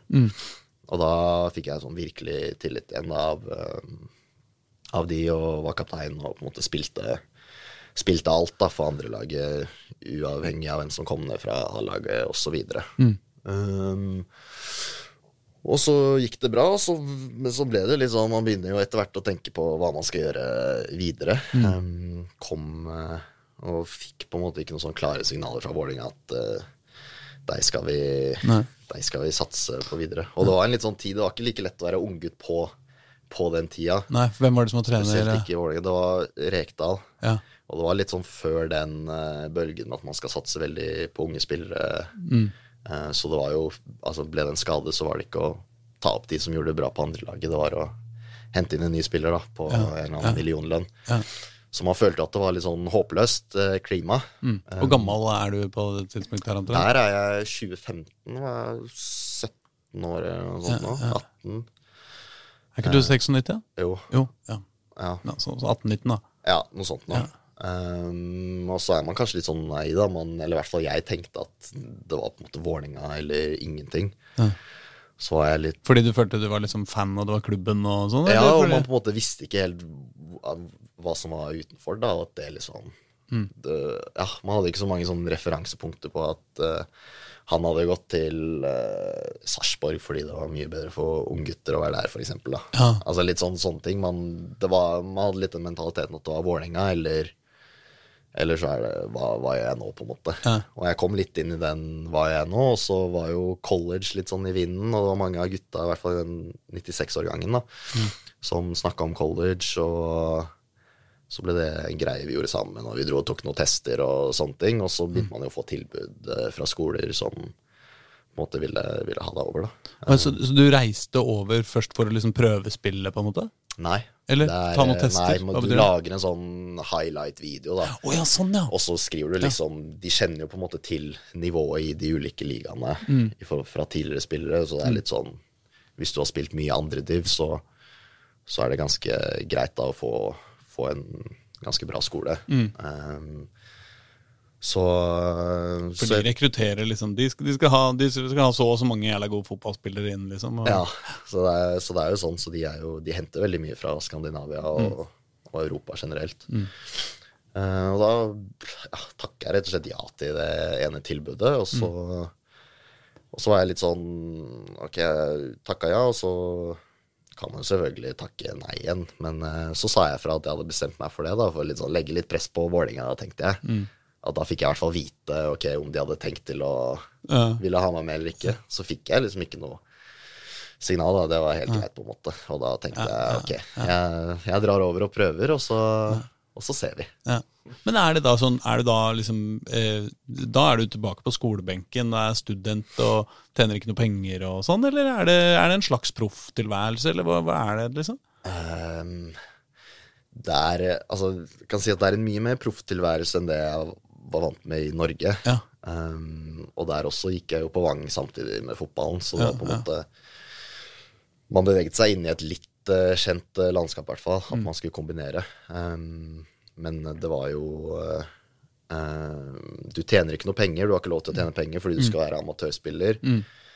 Men de legger veldig godt til rette for deg da, i forhold til scholarship. Og, så du trenger på en måte ikke tenke på skolepenger og den biten. Og så er det kafeteriaer, liksom alle måltider. Eh, og så leverer du oppvasken din til eh, liksom, de som vasker klær for eh, liksom idrettsutøverne. Så det blir jo litt sånn hotellfølelse, da. Wow. Og så får man noe sånn sånn oppvasken for deg, liksom. ja, Eller ikke oppvasken, men Ja, klesvasken. Ja, Klesvasken. Ja. Så, og så mm, ja, er det mange som opererer med skoler som opererer med sånn stipend, som de kaller det. Da får Mm. du liksom penger inn på kontoen da, hvert semester. Sånn, Du kan bruke egentlig som du vil. Mm. Ja. Så man på en måte Det var ikke så veldig sånn økonomisk trangt mens man var der. Nei, nei, det var liksom, Man fikk det fra skolen, og så i tillegg så kommer det jo å bidra Lånekassen veldig mye. Ikke sant? Ja. Så, så Du får dobbelt stipend, da. Ett ett fra Norge og ett fra USA, liksom. Det er ja, det. ja, det var, nei, det var bra, det. Og så er det jo selvfølgelig Du må være på skolen, men, Ja, ja. um, men det blir jo lagt opp uh, ut fra hvordan treningshverdagen er. Mm. Så det er jo De sier at man skal være student først, og så idrettsutøver, men jeg følte kanskje at det var litt uh, motsatt, da. Ja. Hvordan var nivået? Eh, nivået er, eh, var eh, bedre enn jeg trodde, men eh, det var ikke så jevnt, da. Kan du si at en, altså en proff fotballklubb, der er det jo Altså, det er gjerne en ganske jevn tropp. Eh, mens i USA, alle skoler har jo et visst antall scholarships de kan gi ut. Ja. Så de må jo fordele de på Altså, hvis de skal ha 20 spillere i troppen, da, som man, som man gjerne har, typisk. Eh, og da blir det jo Og noen krever fulle scholarships, ikke sant. Kanskje gjerne de som kommer fra Europa og sånn. Fordi de er ikke interessert i å betale ja, ja. sinnssyke summer for å gå på skole der. Uh, så da må det fordeles, og da blir det veldig mange sånn som bare spiller fordi de syns det er gøy å få være en del av et lag, da. Og de er helt ok. Men eh, Så det er fem gode fotballspillere og, og en masse liksom, Ja, eller du har som regel gjerne en sterk elver, da. Og så har du noen tre-fire innbyttere som kanskje kjemper om å starte. Og så resten er på en måte ikke i diskusjonen. Så, så det blir jo litt sånn variert i treningshverdagen og sånn, da. Mm. Men så ble du der borte helt i, i fire år? Nei, fi, fire år, ja, faktisk. Hva, hva, hva, du, har du da, betyr det at du lærte noe annet enn å spille fotball? Eller? Ja, herregud, det var, eh, det var en sinnssykt kul opplevelse. Ja. Eh, sånn, eh, både med Altså, man fikk reist rundt. Altså, man spilte jo kamper i hele landet. Ja. Og det, og det er på en måte De legger mye penger i idretten. Altså, så det er litt sånn hvis du hadde en bortekamp på en søndag i Washington DC, da, for et eksempel, så, så dro man på en måte fredag. Og så er man liksom, gjør man sosiale ting da, fredagen og lørdagen med laget. Bor på fine hoteller og liksom får oppleve ting da, i tillegg til, å, til bare fotballen. Eh, og så møter du jo folk fra, fra hele, hele verden, ikke bare USA. Eh, så du får jo på en måte bygge et nettverk da, eh, utenfor, eh, utenfor det du ellers hadde, hadde gjort. Så det var veldig mye med det som var bra. Så var det en veldig sosial greie. Det var, eh, ja, Ja. var litt utelivsbarona. Ja, ikke sant? Så kommer du hjem til Skeid etterpå bare 'Jeg husker ikke helt hvordan man prater her i Norge, men uh. Ja, nei, ja, det ble, ble nesten litt sånn. Så Nei, men det var uh, veldig kult. ja. Men hva- og så, uh, når du, når du dro hjem igjen, var det fordi liksom, utdannelsen var ferdig, og du var, nå var du voksen, liksom? Ja, det var jo Så det var jo målet mitt var jo å bli drafta, da, til å komme meg til MLS. Det var jo overordna målet. Og jeg gjorde det ganske bra der borte, så jeg hadde Fikk meg en sånn eh, fransk agent som mente at det, det var ikke noe problem. Og, og han ordna det, så jeg trodde jo hele veien at det, det kom til å gå i boks.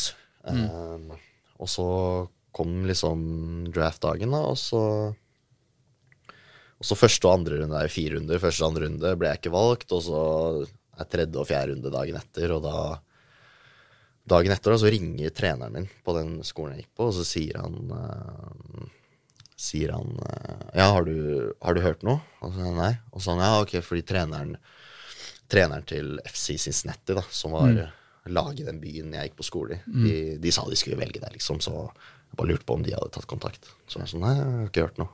Så og så hørte jeg aldri noe, da. Så, så jeg fikk jo liksom de falske forhåpningene av coachen min, og da var jeg litt sånn ok, da må jeg finne ut hva jeg gjør. Eh, Så jeg vurderte å bli der og prøve å altså, finne meg en første altså Obos-ligaklubb, da. Ja. For Ja. USL, som det heter der. Mm. Um, men så bestemte jeg meg egentlig for at jeg var litt klar for å skulle, hadde blitt litt deilig å komme hjem til Norge også. Mm. Så da gjorde jeg det, og da ringte jeg Morten Berre, som var i Skeid. Spilte sant. en del med meg i Vålerenga. Mm. Og da ja, trente jeg der, og så ja, Ja. Resten er historie. Ja, ja, ja. Nei, men eh, det Det er deilig, det.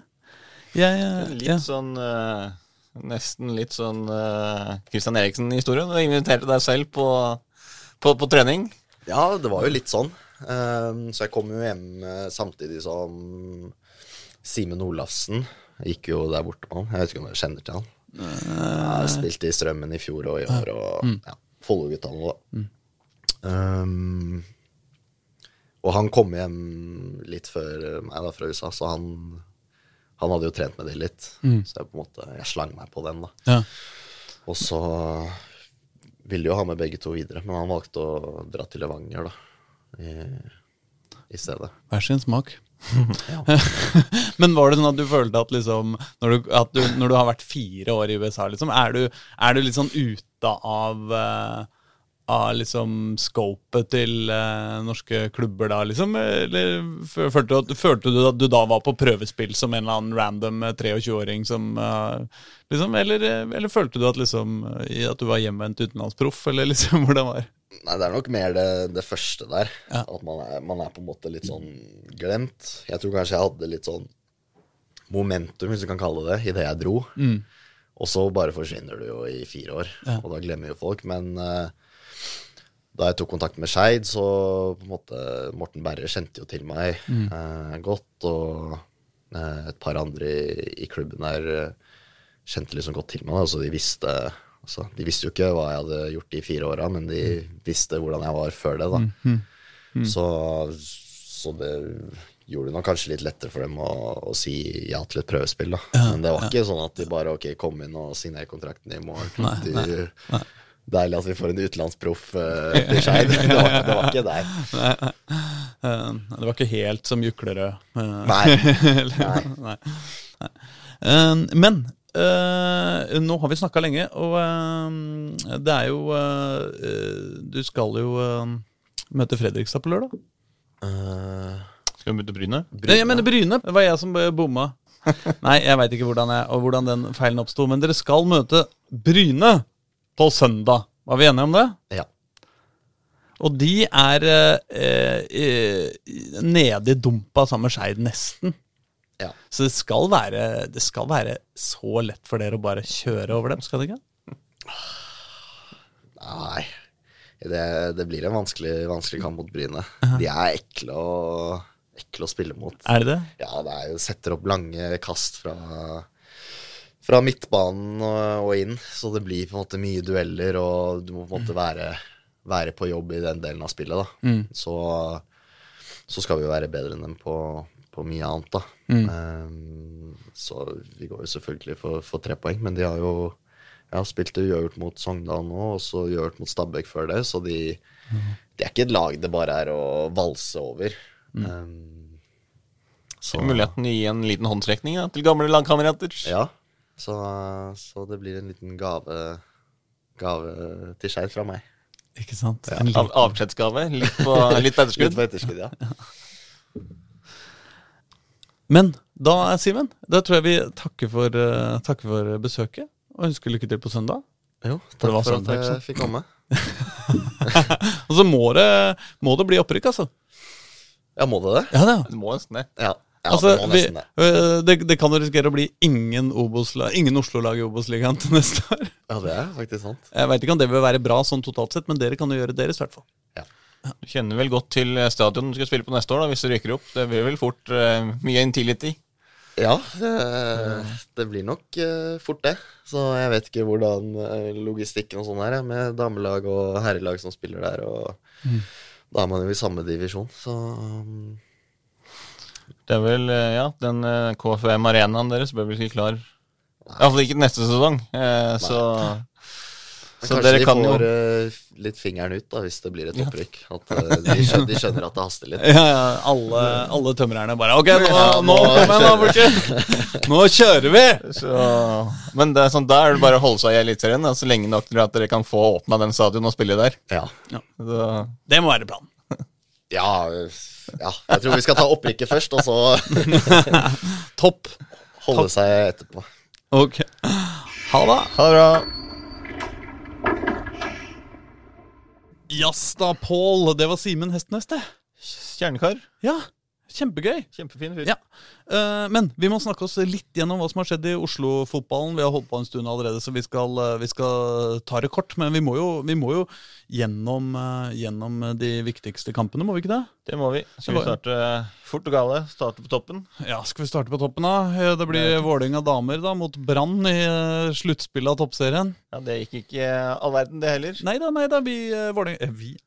Eh, Det var kanskje å dra litt langt. Vålerenga skåret etter 20 minutter, før vi var ferdig med, 20 sekunder før vi var ferdig med å synge Vålerenga kjerke ferdig. Ja. Eh, Så lå første ballen i eh, mål.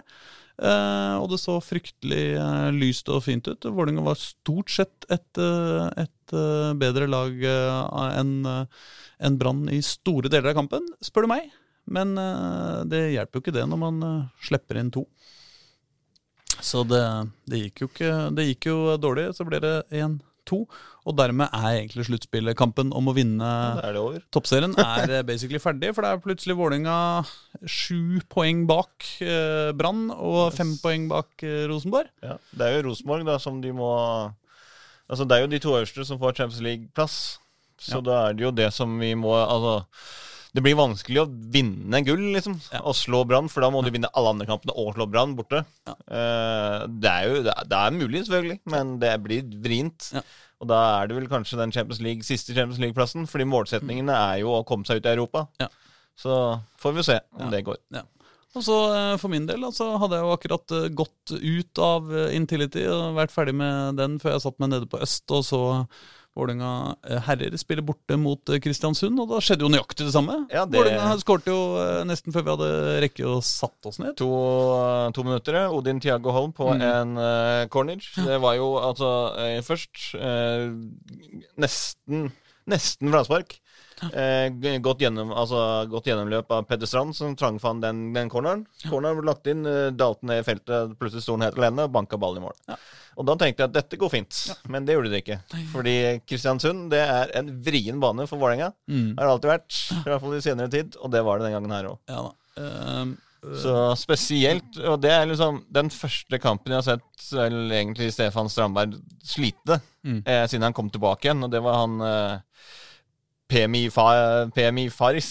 Var det. Mm. Han var ja, ganske st stor og sterk eh, brøyte på, på topp da for Kristiansund, som Mm. skapte mye problemer med De spilte veldig direkte i bakrom der, og det Mm. gjorde at liksom, de ble løpende veldig mot eget forsvar. da. Ja. Og da skapte han mye, mye problemer. Eh, Ja, De ble fraløpt eh, i forsvaret, Vålerenga. Ja, Og så i- skal det jo sies, og det må man snakke om i denne kampen her, er jo at eh, det var jo sånne dommeravgjørelser som var altså eh, eh, Nå husker jo ikke jeg eh, Den hva første han taklingen eh, på der, Osame på Sarawi. Osame Sarawi av han ene bekken på Kristiansund, Ja. den var eh, Altså, han, han fikk jo frispark, men han fikk vel ikke gult kort heller? Gjorde han det? Nei, han fikk ikke Fikk gul- Snorre Strand Nilsen var det som Ja, Han eh, fikk vel ingenting, og ja. det var Det var eh, tofots skliende takling bakfra, Ja. og, og tilsnakk og frispark. Og så seinere så tar jo eh, samme mann og, og eh, albuer eh, eh, Vegard Eggen Hedenstad, var det ja, ikke det, da? Han løp, I, ja, eh, det, det ser du Altså, jeg så det ikke så veldig godt i Altså, når jeg så kampen. Ja. Men når du, når du ser de videoene som da mange av Vålerenga-fansene har lagt ut på, på Twitter, Ja. så ser du jo at han faktisk Han sniker seg jo bare. Han går bare sånn helt rolig foran Hedenstad. ja. Litt nalbu der, Ja. og så går Hedenstad Altså, det er jo ikke lov. Nei, nei, nei, det er jo ikke lov. Og når man i tillegg da også får en eh, en, eh, en eh, spiller som, eh, som eh, kaster seg åpenbart filming eh, inn i feltet, og får tilsnakk for det også, så veit Ja. du at, eh, det, at det er jo eh, samme Pemi Faris det som fikk det, og det var, ja. den var ganske klar, eh, faktisk, at det var filming. Og jeg, jeg skjønner Uh, Vålerenga-spillerne var jo veldig frustrerte over at han ikke fikk gult kort. Og det, det kan jeg skjønne, for det var ganske åpenbar, uh, åpenbar filming. Og når han i tillegg får faktisk tilsnakk der også, så er det jo litt sånn eh, Tilsnakk for, ja, altså Det er litt Ja. rart. Men, eh, Men- sånn er det. For, men, men Kristiansund spilte hardere, tøffere. Ja, de kjempa Vålerenga ut av stilen, rett og slett. Uh, uh, Skårte jo Pemi Faris etter en time der, og da så det tungt ut også, med en igjen. Lennart Suta, som han har gjort tidligere i sesongen, når Vålerenga sliter.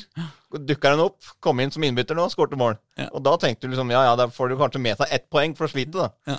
Men så var det jo overtid der på en, eh, på en corner. Eh, Det var vel eh, Magnus Beck Risnes, som ikke tar helt feil, som var i den duellen der før ballen ble lagt inn. Mm. Eh, som ikke greide å hindre det innlegget, og da løpte han på tvers av feltet.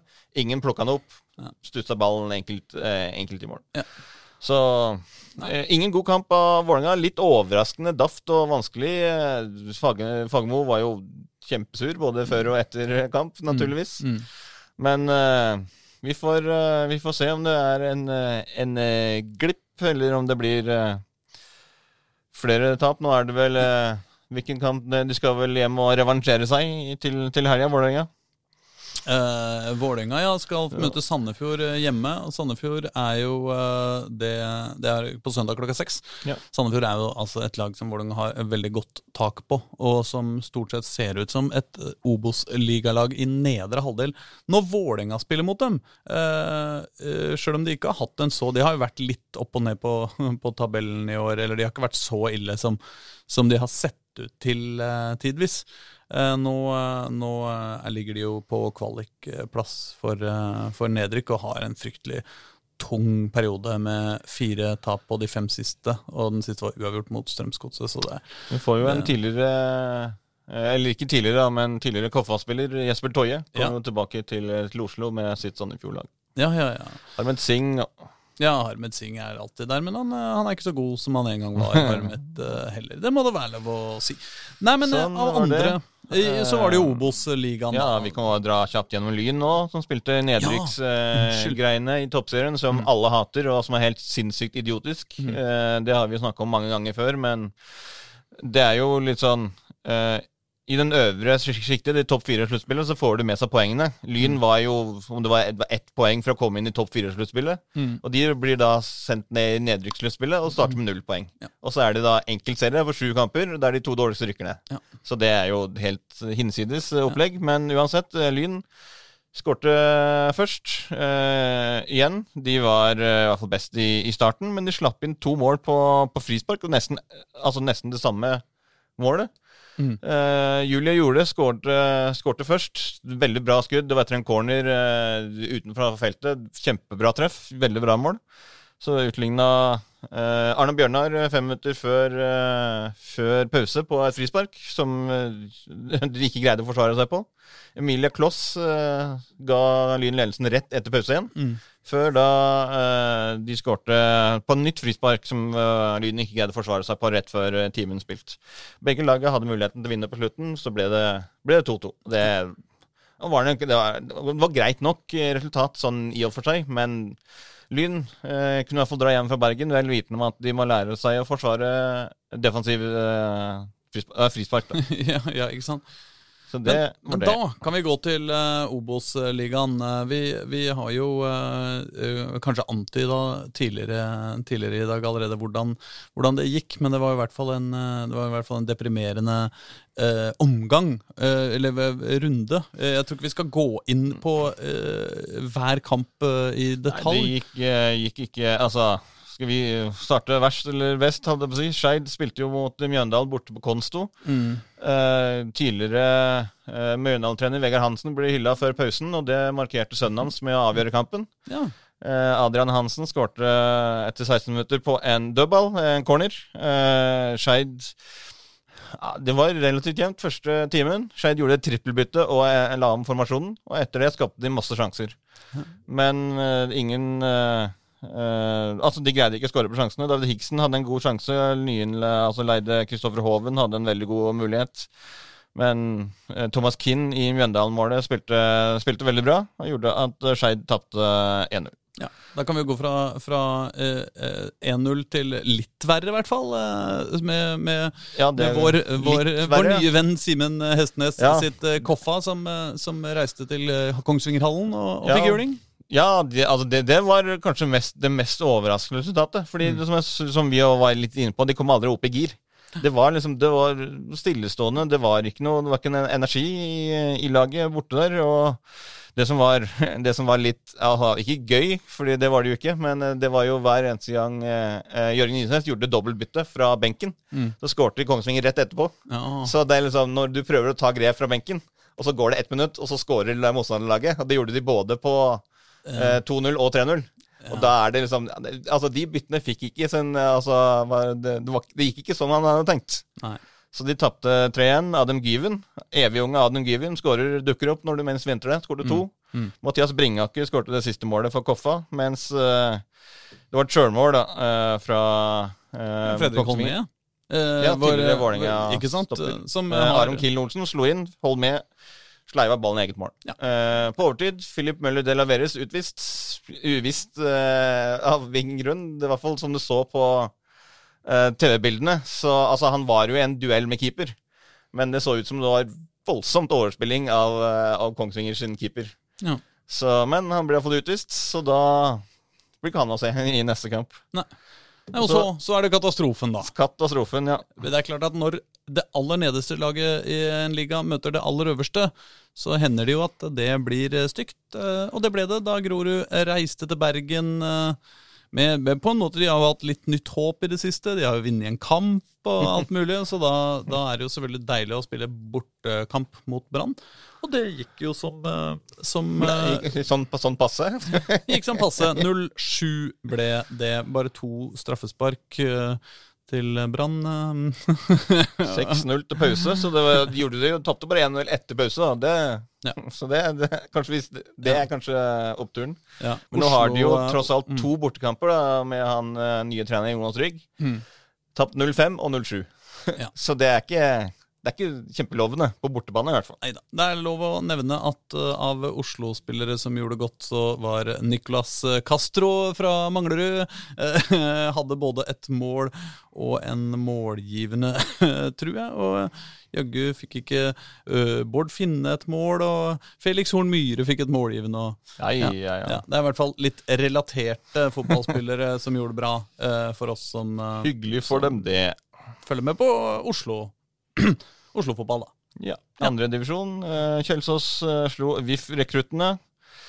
Eivind Wilhelmsen med to mål. Eh, Midtskogen med det siste, da Kjelsås vant 3-0. Eh, Kjelsås mye eh, Mange gode angrep. Eh, hadde egentlig ganske god, kontroll på den kampen. Mens eh, Vålerenga-rekruttene i Altså det, der, snakker vi, der snakker vi dårlig form. Ja, der snakker vi rakning. Det er fire på rad eh, i tap, eh, men det er jo flere enn det hvis man går litt lenger tilbake i tid, holdt jeg på å si. eh, men altså, det har vært mye. Mye tap, og mye store tap. Ja. De har tapt eh, 6-2, 0-7, 0-3 og 0-3. eh, og nå ligger de altså på 11.-plass.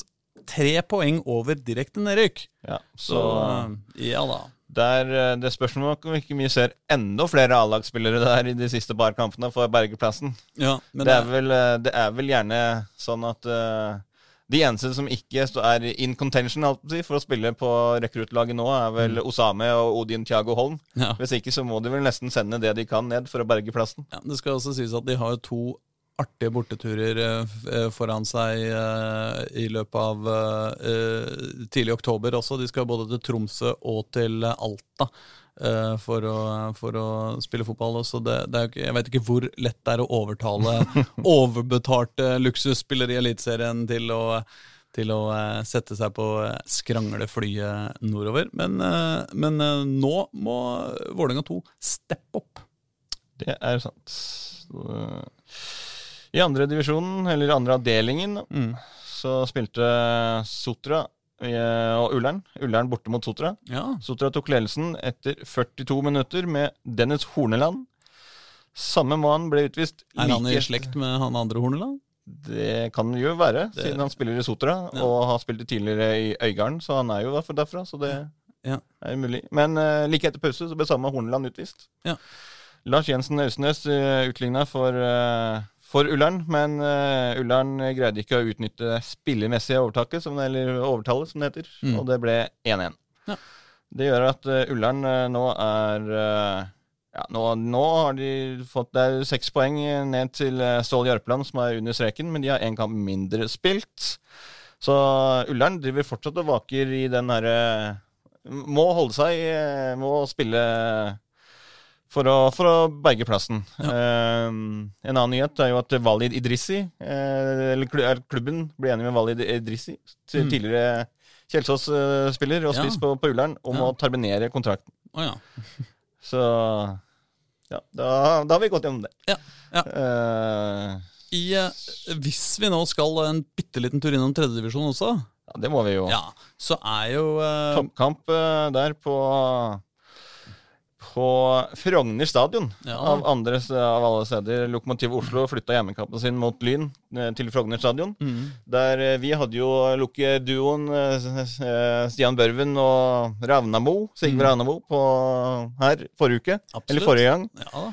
Og de ble jo da av Arthur, som vi jo snakka mye om i den podkasten, annonsert som eh, eh, pod Trikkelians podkastprofiler. ja, ja, ja, Når de var sånn Trenerduoen til Lokomotiv Oslo er uh, podkastprofilene. Ja, ja, bra. Så det, det liker vi. Ja, det liker vi. Eh, men de tapte mot Lyn, da. Ja. eh, kampen Første gang skjedde nesten ingenting. Eh, veldig mye fram og tilbake. Sle prøvde å legge innlegg. Lokomotiv Oslo hadde grei kontroll, unntatt på ett innlegg. Eh, Anders Bjørntvedt Olsen stussa et innlegg fra Kristoffer Linkvist i lengste hjørne. Eh, etter pause Ola Rognebakke, eh, Beck på Lokomotiv Oslo, Mm. fikk ballen etter eh, en eh, eh, klarering. Mm. Tok med seg ballen, drylte den rett opp i krysset. Altså Ah, motsatt kryss. Altså det var et prosjektil rett opp i krysset. Altså, fantastisk scoring. Helt ellevilt bra scoring. yes. Eh, jo, han måtte gå av med eh, skade rett etterpå. Uh, lyd pressa på, greide ikke å få noe liksom, noe trykk. Det ble mye langskudd og få store sjanser. Men uh, da minuttet før slutt så slo målsniken Ibalajab til. Mm. Fikk en typisk Ibalajab-mål. Det Litt klobabab. Ballen datt ned fem, seks, sju meter. Fikk pikka ballen i mål. Ellevill jubel, selvfølgelig, og banestorming på Frogner stadion. Ja. Som det vel ikke har vært på ja, Det er en stund siden det har vært banestorming på Frogner stadion. Ja. Veldig veldig viktig mål for, eh, for Lyn også, fordi tidligere på dagen så hadde jo Nordstrand spilt eh, borte mot Os. Det er Eh, det, vet du. Og da, og da altså, her, må vi, her må vi gi leserne, lytterne litt grann kontekst først. Før den Nordstrand-kampen. fordi at eh, den store saka på en måte denne uka i, eh, i denne divisjonen har jo vært Grei. Fordi Grei er jo praktisk talt eh, klare for nedrykk. De har gjort en fryktelig eh, eh, de, Altså, de, de, de har jo spilt bra til tider, men, men altså, de har veldig dårlig poenguttelling. De hadde ti poeng før den, eh, den 20. serierunden. Og så viser det seg at eh, spillende trener og fire andre spillere, eller? Ja, det, ja, spillende trener. Altså fem spillere til sammen. Fem spillere til sammen melder overgang til Nordstrand i fellesskap. Uh, i- i- med altså Når, vi, når det er igjen uh, seks kamper, ja, eller sju kamper, da. Og det som er liksom at uh, helga før så hadde du Grei spilt mot Reddy i en helt avgjørende kamp i bunnstriden. Ja. Sånn, den vant Reddy over Grei, Mm. som gjorde da at eh, de, altså forskjellen ble ganske stor. Ja. Og det i løpet av den kommende uka, da. Så da var det jo fem spillere Mm. på Grei som sa sånn Ja, det her gidder vi ikke være med på. Og bytter ut da Grei. Eh, nedrykksstrid med Grei, med eh, eh, opprykksstrid, holdt jeg på å si, Ja. med Nordstrand. Ja. Og så førte det til at Grei vant Ja. sin kamp.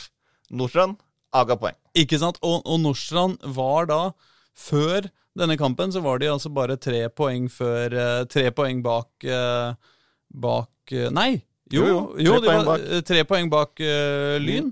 I, eh, og, og var eh, 100 med i, i kampen om, eh, om den ene opprykksplassen.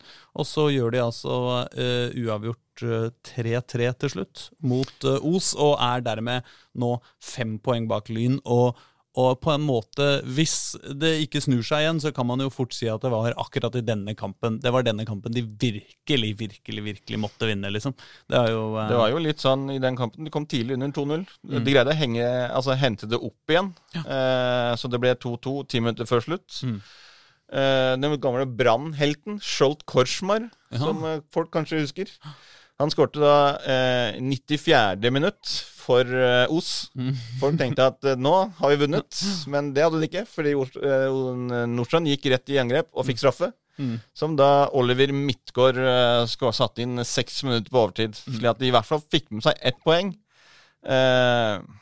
Nordstrand, nei, Lyn har jo ennå ikke tapt. Mm. Eh, og det er jo ja, er fem poeng på de siste seks kampene. Det skal bli vanskelig å ta igjen. Eh, nå skal jo Lokomotivet Oslo møte Nordstrand Mm. den kampen den eh, kommende helga her, så det kan jo bli eh, Det kan jo bli interessant. Lyn på sin måte skal, skal møte Os. Så det er litt sånn motsatt av eh, forrige helg. Ja. Mm. Eh, men ja, eh, så eh, Jeg vil ikke si at det er avgjort, men Lyn sitter jo i en veldig, veldig god uh, situasjon. Uh, og en mye bedre situasjon enn det de var før helga. Det er også grei. Ja. For jeg så den kampen mot, mot Frøya. Når de liksom Dagen før, altså fredagen, Mm. så ble det jo kjent at de har mista halve laget, nesten. Mm. Altså fem spillere. Det er ganske mye. Og Ja. spillende trener. Ja, ja. Det, er, det, er, det er mye. Og så skal du da dagen etter, det var tidlig kamp òg, klokka ett liksom, på lørdag. Mm. Da stille opp et nesten helt nytt lag, Mm. og så kjempe deg, eller spille en kamp. Og så får du en tidlig mål imot, og likevel så Mm. greier du liksom å snu kampen og vinne 3-1. Ja. Og det syns jeg sier veldig mye om de spillerne som er igjen i Grei, og den eh, lagfølelsen altså de har. Og det sier også litt, syns jeg, om det de som forlot, var at det, det viser litt Altså det viser liten respekt for, eh, for resten av lagkameratene, selvfølgelig. Men også for Grei som klubb. Fordi der har de jo veldig mye av de der, altså de der som står på, da, frivillige. For det er jo veldig mye altså Når du er i fjerdedivisjon, som Grei var i fjor, da, Mm. eh, og liksom bunnen av tredjedivisjon, så er det, det er mye frivillighet det går på. Ja, ja, ja. Og du tar jo på deg den rollen. Liksom, de fleste har jo amatørkontrakter. De, altså, det er veldig mye dugnad og frivillig basis. Og når de da liksom Nei, det her ser ut til ikke gå, og så bare forlater du klubben. Ja, vi veit jo, vi, vi vet jo på en måte ikke hva, hva som har skjedd helt i detalj Nei, her, på en men måte, det er likevel- og hva som er deres forklaring. Men, eh, Respektløst. Det er uansett pent ser det ikke ut. Pent ser det ikke ut. Og jeg kan også tise om at det kommer en sak på det eh, enten i kveld eller i morgen. Ja, i, på dagsavisen.no, dagsavisen.no. vet du, som du kan uh, Klikke dere inn og lese. Ja. Eh, Oppsal slo Reddy 2-1. Mhm. Eh, da var Daniel Tavakoli. Mhm. Skårte eh, ti minutter igjen å spille. Selvfølgelig. Uh, minutter før full tid utligna Reddis Espen Tveter Andersen på corner. Mm. Uh, men seks minutter på overtid så var det da altså Sondre Melø som sørget for Oppsal-seier mot gamle lagkamerater, siden han jo var i Reddy forrige sesong. Så det var også mer overtidsdrama der. Ja, mye overtidsdrama denne runden i tredje divisjon. det er sånn, sånn vi liker det. Ja da. Kjelsås-rekruttene tapte 1-2 for Sandviken på, på hjemmebane. Mm. Som gjør at de også Altså, det var en veldig god runde for Grei. Mm. Både når Reddy og Kjelsås 2 tapte. Ja. Som gjør jo at uh, Kjelsås 2 ligger uh, to poeng bak Stabæk på sikker plass. Reddy har tre poeng opp, mens Grei har fire poeng opp. Ja. Så Grei er ikke uh, Altså, etter forrige serierunde, når de tapte for Reddy, Mm. da så det veldig stygt ut. Og i tillegg Halve spillerstallen forlot de i løpet av uka, men fire poeng opp nå på 66 kampene. Ja da, men de skal jo da slå tre lag, da.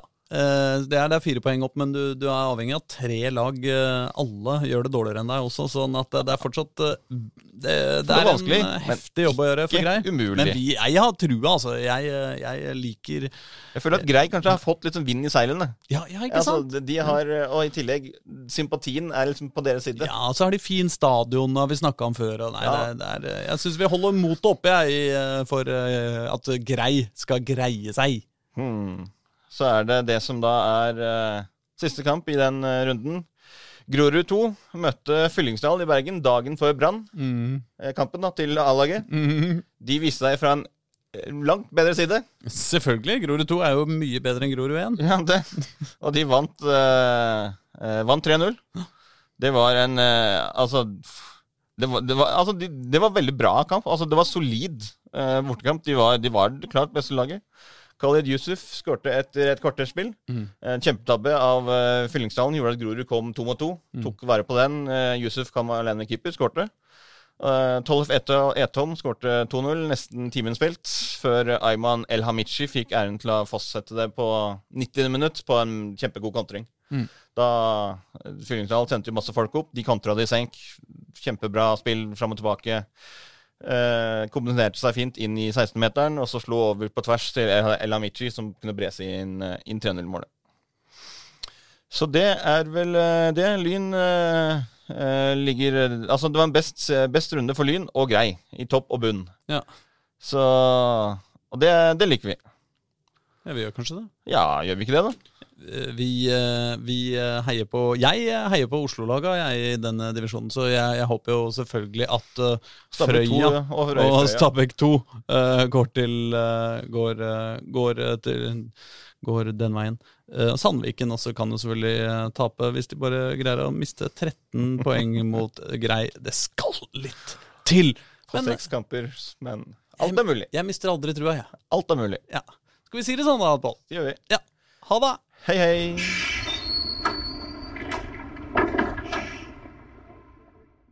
Du har hørt en podkast fra Dagsavisen. Ansvarlig redaktør heter Andreas Heen Haaland Karlsen.